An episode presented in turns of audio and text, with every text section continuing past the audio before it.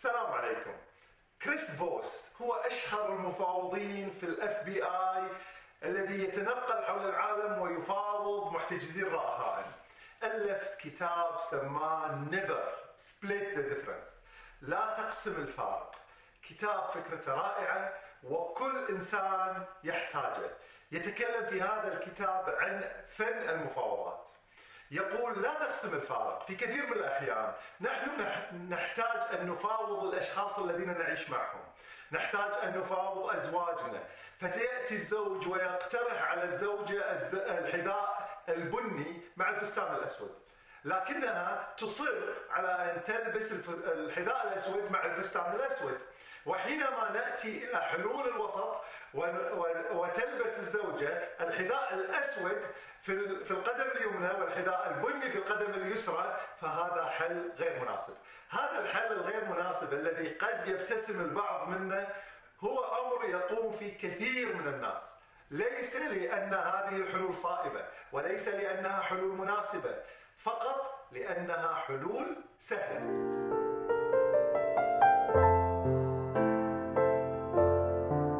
من الممكن جدا أن تكون هناك بعض الأوضاع التي لا تناسبنا لا يمكننا أن نقوم بخدمة أهل زوجنا ولا يمكن الزوجة أن تقوم بخدمة إخوان زوجها.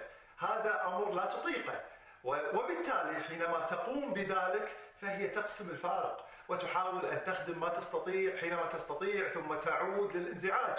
وعليها أن تعرف أن في هذا الموقف التفاوضي يجب أن تقف موقف حازم. وفي الحقيقة أن الكثير من النساء والكثير من الرجال هو يقسم الفارق لأنه يريد الحل السهل النجاح في الحياة لا يمكن أن يكون دون مهارات المفاوضات. نعرف كيف نجعل مركزنا التفاوضي جيد. لا يمكن أن نتفاوض ونحن نستجدي حقوقنا. علينا أن نقول كلمة لا ثم نصمد سواء مع مسؤولنا سواء مع شركائنا في الحياة سواء مع جميع الأشخاص. ثم نأخذ مركز تفاوضي ثم نبدأ نفاوض. في كثير من الأحيان تكون أم الزوج أو أم الزوجة سلطة اللسان ثم تتجرأ على شريك حياتنا. وفي هذه الحالة تأتي زوجتنا أو يكون شريك حياتنا بالتغاضي عن تلك الإهانات التي تأتيه. وهذا التغاضي هو أمر لا يمكن أن يستمر لفترة طويلة لأن هذه الإهانات ثمنها عالي وعلينا أن نعلم أننا يجب أن نرد على تلك الإهانات يجب أن لا نتجاوز حدود الأدب، يجب أن نحفظ حقوقنا، يجب أن نتمالك أعصابنا، ولكن يجب أن نرد لأننا دون هذا الرد لن نستطيع بالشعور بشعور أفضل.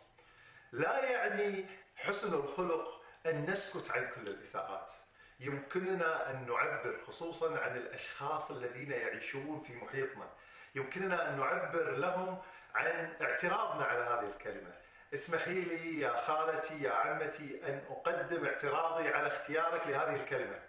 أنا أتحفظ. هل تسمحين لي؟ فتبدأ بالانزعاج وتبدأ باتهامات أخرى. نعيد ونكرر ذات الكلمة في كتاب التوازن الاجتماعي تكلمت عن سحر التكرار والإصرار. علينا أن نصر ونكرر ما نقول فيه. ثم بعد فترة سنجني ثمار ما, ما أصررنا عليه. في الطائرة حينما يأتي المسافر فيقوم من مكانه في وقت يجب أن يربط الحزام تقوم المضيفة أو المضيف بتوجيهه بنظام التكرار والإصرار. لو سمحت اجلس لو سمحت اجلس. تعيد وتكرر. فنجد أن هذا الشخص أيا كان توجهه وأيا كان إزعاجه سيرضخ لهذا الإصرار.